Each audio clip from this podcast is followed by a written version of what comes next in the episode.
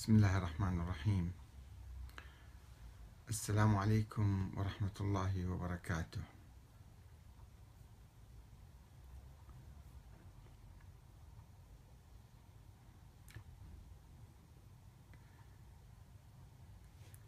كيف يمكن أن يتحد المسلمون من جديد؟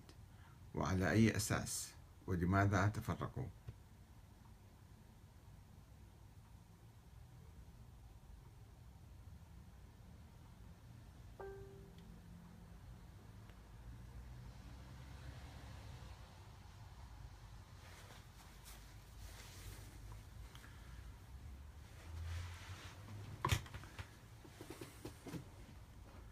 بسم الله الرحمن الرحيم. السلام عليكم أيها الأخوة الكرام ورحمة الله وبركاته.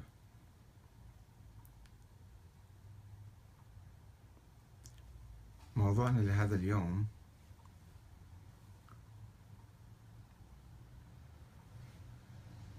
هو عن الوحدة الإسلامية. لماذا تفرق المسلمون؟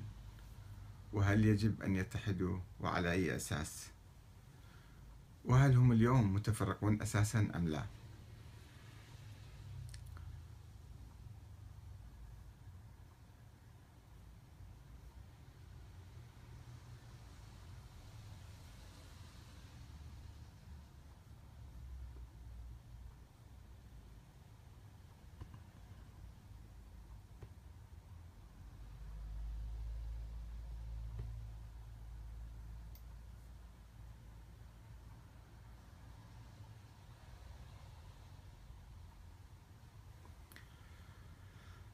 بسم الله الرحمن الرحيم.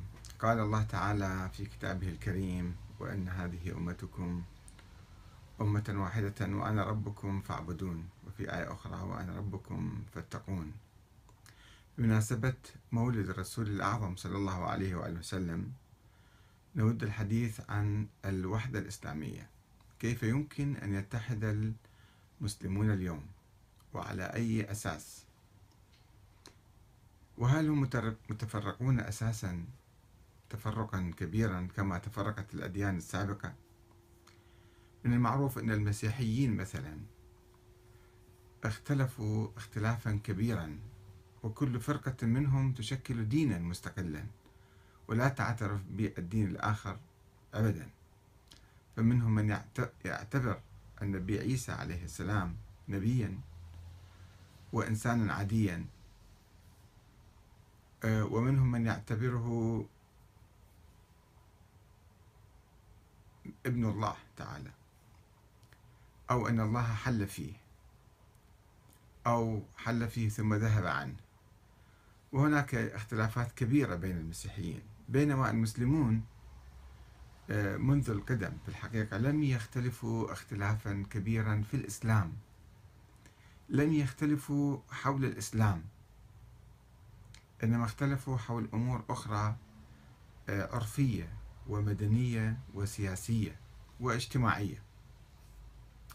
ولذلك فإن اختلافهم لم يكن حول التوحيد حول توحيد الله تعالى ولا الإيمان بالآخرة ولا النبوة. وهذه أركان الإسلام الثلاثة التوحيد والمعاد والنبوة بما فيها القرآن الكريم. وهناك فروع لهذا الدين هي الصلاة والصوم والحج والزكاة وما إلى ذلك. والواجبات والمحرمات كلهم ملتزمين بهذه الأمور. ولا يختلف الشيعة عن السنة في هذا الموضوع ولا الإباضية عن الزيدية ولا الزيدية عن الشيعة ولا أي مذهب عن مذهب آخر. فهم كانوا متوحدين في الحقيقة حول الدين ولم يختلفوا ولا نتكلم عن الشواذ. وعن الخارجين عن الدين عن الغلاة المتطرفين عن الفرق التي خرجت من الدين. إنما نتكلم عن الفرق الرئيسية التي آه، انتشرت في التاريخ الإسلامي. وإنما كان خلافهم كما قلنا حول السياسة حول مثلا من يحكم وكيف آه، يحكم الحاكم. وما هي علاقته آه، بالناس. فمثلا إذا جئنا إلى هذه الخلافات الرئيسية التي شكلت الفرق المختلفة عبر التاريخ. هناك الفرقة السنية مثلا والفرقة الإباضية والفرقة الشيعية. والشيعة تنقسم إلى فرق إلى آه، زيدية وإلى جعفرية وإلى إسماعيلية وموسوية وما إلى ذلك. لنرى ماذا يقول آه، هؤلاء؟ وماذا قالوا؟ وهل لأقوالهم هذه التي قالوها في التاريخ السحيق أثر هذا اليوم؟ المسلمون في الحقيقة كما قلت لكم لم يختلفوا حول الإسلام إنما اختلفوا حول الدستور والنظام السياسي. وقد زال هذا الخلاف اليوم بعد قولهم وتبنيهم بصورة عامة العام الأغلب منهم تبنيهم للنظام الديمقراطي. الجميع يؤمن بالله تعالى وباليوم الآخر وبالنبوة والأنبياء ويصلون ويزكون ويحجون ويصومون ويلتزمون بسنة النبي وبالحلال والحرام. ولكن الخلافة وقع بين الطوائف الإسلامية. وقع في منطقة الفراغ التي تركها الإسلام للناس وهي المنطقة السياسية. أو المجال السياسي والدستوري. فقال عامة المسلمين بأن الخلافة شورى ومن بينهم أهل البيت ومن بينهم أجيال عديدة من الشيعة قالوا بأن الخلافة شورى ثم جاء الأمويون وقالوا أن الخلافة محصورة في قريش وجاءوا بحديث مختلق عن النبي الأكرم صلى الله عليه وآله وسلم يقول الخلافة في قريش. رواه معاوية هذا الحديث. ولم يقل به أبو بكر في السقيفة ولم يقل به عمر في السقيفة. إنما قالوا للأنصار بأن العرب لا تخضع لكم وإنما تخضع لقريش. لم يقولوا أن النبي قال الخلافة في قريش. وبالتالي لم ينظروا لهذا المبدأ إنما الأمويون جاءوا وقالوا الخلافة في قريش ونحن من قريش فإذا الخلافة فينا. وحتى أخذوا الخلافة من المهاجرين والأنصار. من الصحابة الأوائل وقالوا نحن من قريش فبالتالي الخلافة لنا. ثم جاء العباسيون بعد ذلك قاموا بثورة على الأمويين وأخذوا السلطة منهم وقالوا أن الخلافة محصورة في بني هاشم أترة الرسول. ونحن من أترة الرسول فإذا الخلافة فينا. في مقابلهم في مقابل العباسيين قال العلويون أن الخلافة محصورة في أبناء علي وأبناء علي هم الحسن والحسين ومحمد بن الحنفية. الفرقة الكيسانية كانت تقول نحن أيضا يحق لنا أن نكون خلفاء وبالتالي نحن آه، يعني آه، الخلافة لنا.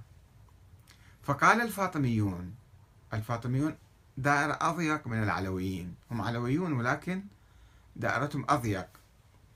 أخرجوا الكيسانيين. أخرجوا أبناء محمد بن ومحمد بن وقالوا أن هؤلاء صحيح أولاد علي ولكنهم ليسوا أولاد فاطمة وأن الخلافة محصورة في أولاد فاطمة. فقال الزيدية مثلا أن الخلافة محصورة في الحسن والحسين في البطنين كما يقولون في أبناء الحسن وأبناء الحسين. وليس لولد محمد بن حنفية أي نصيب. ثم آه، جاء الجعفرية أو الباكرية بالأحرى قبل الجعفرية الأتباع الإمام محمد الباكر.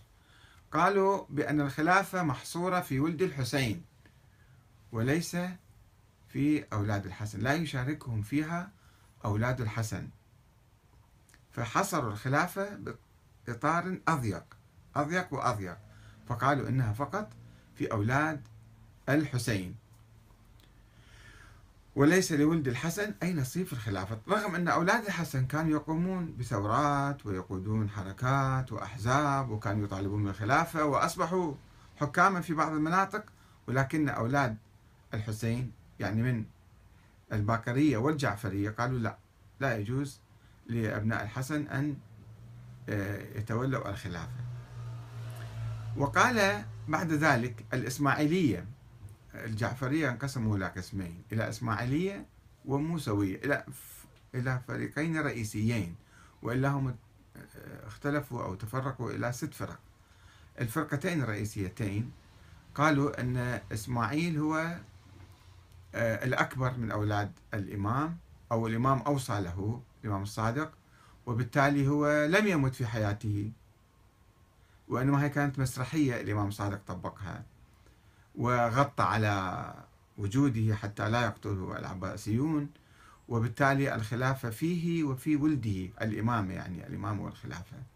هكذا قال الإسماعيليون. ثم أقاموا الدولة الفاطمية بعد حوالي 150 سنة من ذلك التاريخ.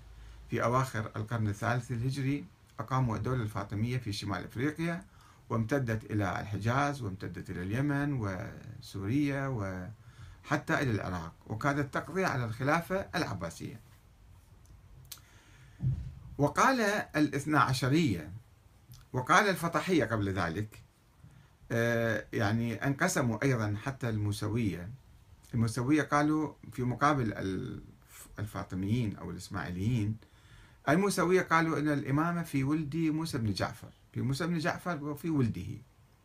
ثم انقسموا إلى قسمين قسم قالوا أنها